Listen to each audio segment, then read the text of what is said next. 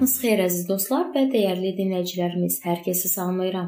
Mənim adım Sona və siz Allahla 5 dəqiqə adlı podkastımızda xoş gördüm. Bu gün mən sizinlə Allahı razı salmaq barədə danışmağa davam edirəm. Və biz keçən görüş müqəddəs kitabda bizi təşviq və xəbərdar etmək üçün bəzi insanların həyatından nümunələrə baxdıq. Gəlin onlara baxmağa davam eləyək. Öz yeməyini bölüşən oğlan Yəhya 6-cı fəsil 1-ci ayədən 13-cü ayəyə qədər oxuya bilərsiniz bu barədə. Bir dəfə elə bir hal baş verdi ki, 5000 adam ac qaldı. Bir oğlan isə özü ilə nahar götürmüşdü.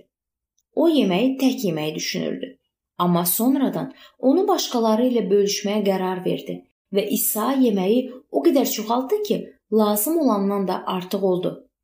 Oğlanın naharını başqaları ilə bölməyə hazır olması Allahı razı saldı. Kasıb dul qadın. Bu hekayə Luka 21-ci fəsil 1-ci ayədən 4-cü ayəyə qədər yazılıb. Kasıb dul qadının yalnız 2 sikkəsi var idi. O bu pulu Allah yolunda məbədə ianə etdi. Qadının dolanmaq üçün əlində olan yalnız bu iki sikkə idi. İsa dedi ki, bu kasıb dul qadın hamıdan çox pul atdı.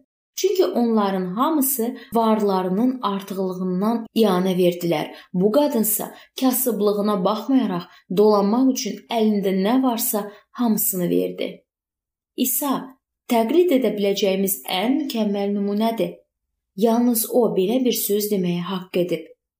O məni tək qoymadı, çünki mən daim onun xoşuna gələnləri edirəm. Bu Yəhya 8-ci fəsil 28-29-cu ayədə yazılıb. Uşaqlar da Allahı razı sala bilərlər. Kolossillərə 3:20-də yazılıb: Ey övladlar, hər işdə ata-ananıza itaat edin, çünki bu Rəbbi razı salır.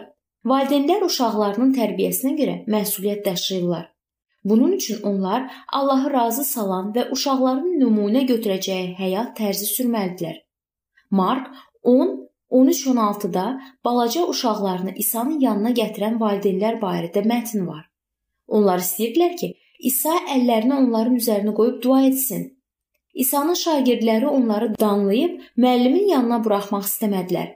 Yəqin ki, İsa'nın daha vacib işlərinin olduğunu hesab edirdilər. Amma şagirdlərin valideynlərə uşaqları qovmaları İsa'nı razı salmadı. O uşaqların üzərinə əl qoymaqdan daha böyük iş gördü. O uşaqları qucağına alıb onlara xeyir-dua verdi. İsa uşaqları sevir Əgər uşaqlar ona mane olmurlarsa, onu qıcıqlandırmırlarsa, bizi niyə narahat etməlidirlər? Biz İsa kimi olmalıyıq. Hətta məşğul olanda belə onlara vaxt ayırmalıyıq. 1-ci Korinfillərə 10-cu fəsildə İsrail xalqının tarixinə söykənən, səhrada baş verən bir hadisə ilə bağlı xəbərdarlıq var. 5-ci ayədə deyilir: Allah onların çoxundan razı qalmadı. Niyə? Onlar Allahın qadağan etdiyi şərin ardınca gedirdilər. Bütlərə sitayiş edirdilər.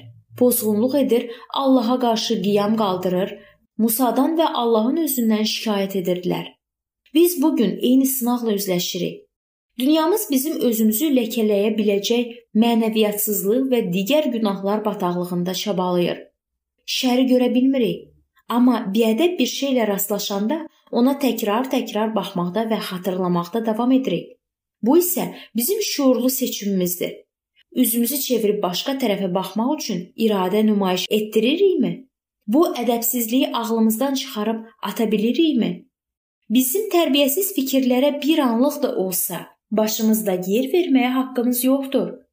Yalnız pak şeylər haqqında düşünəndə Allahı razı sala bilərik.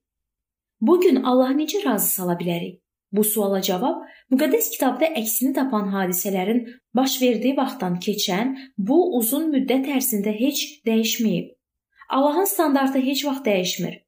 Bu gün bir çoxları Allahı nəyin razı salacağını və ya salmayacağını özləri seçərək qərar verirlər. Amma biz belə addım atmalı deyilik. Bunun əvəzinə müqəddəs kitabı ciddi cəhdlə öyrənməli, onun prinsiplərinə uyğun hərəkət etməliyik. Mikeya 6:7-8-də yazılıb: Minlərlə qoç qurbanı, zeytun yağının 10 minlərlə seli Rəbbin xoşuna gələrmi? Üsyankarlığıma görə ilk oğlumu, günahım üçün öz övladım verimmi? Ey insan, Allah sənə yaxşı olanı bildirdi. Ədalət yaratmaqdan, məhəbbət göstərməyi sevməkdən, itaətkarcasına Allahınla bir yol getməkdən başqa Rəbb səndən nə istəyir ki? Allahı razı salmaq üçün qurbanlar artıq kifayət etmir. Onu itaətkar qəlbimiz, məğlub ruhumuz razı sala bilər. Yer üzündə heç olmasa bir günahkar tövbə edib qəlbinə Rəbbə etibar etsə, Allah razı qalar. Səmalarda mələklər sevinər. Bu hər bir insanın həyatında ən vacib addımdır. Həyatımızın bütün digər sahələrində Allahı razı sala bilməyimiz üçün məhz bu addım əsas sayılır. Qoy fiziki həyatımızın sonuna çatanda Allah bizim haqqımızda belə sözlər desin. Afərin yaxşı və sadiq qulum, ağanın sevincinə şərik ol.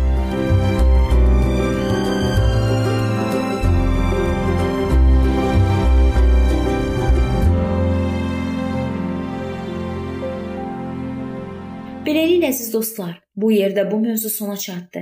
Hər zaman olduğu kimi sizi dəvət edirəm ki, bizim podkastlarımızı Facebook səhifəmizdən və YouTube kanalımızdan dinləməyə davam eləyəsiniz. İndi isə mən sizinlə sağollaşıram və növbəti görüşlərdə görmək ümidi ilə sağ olun, salamat qalın.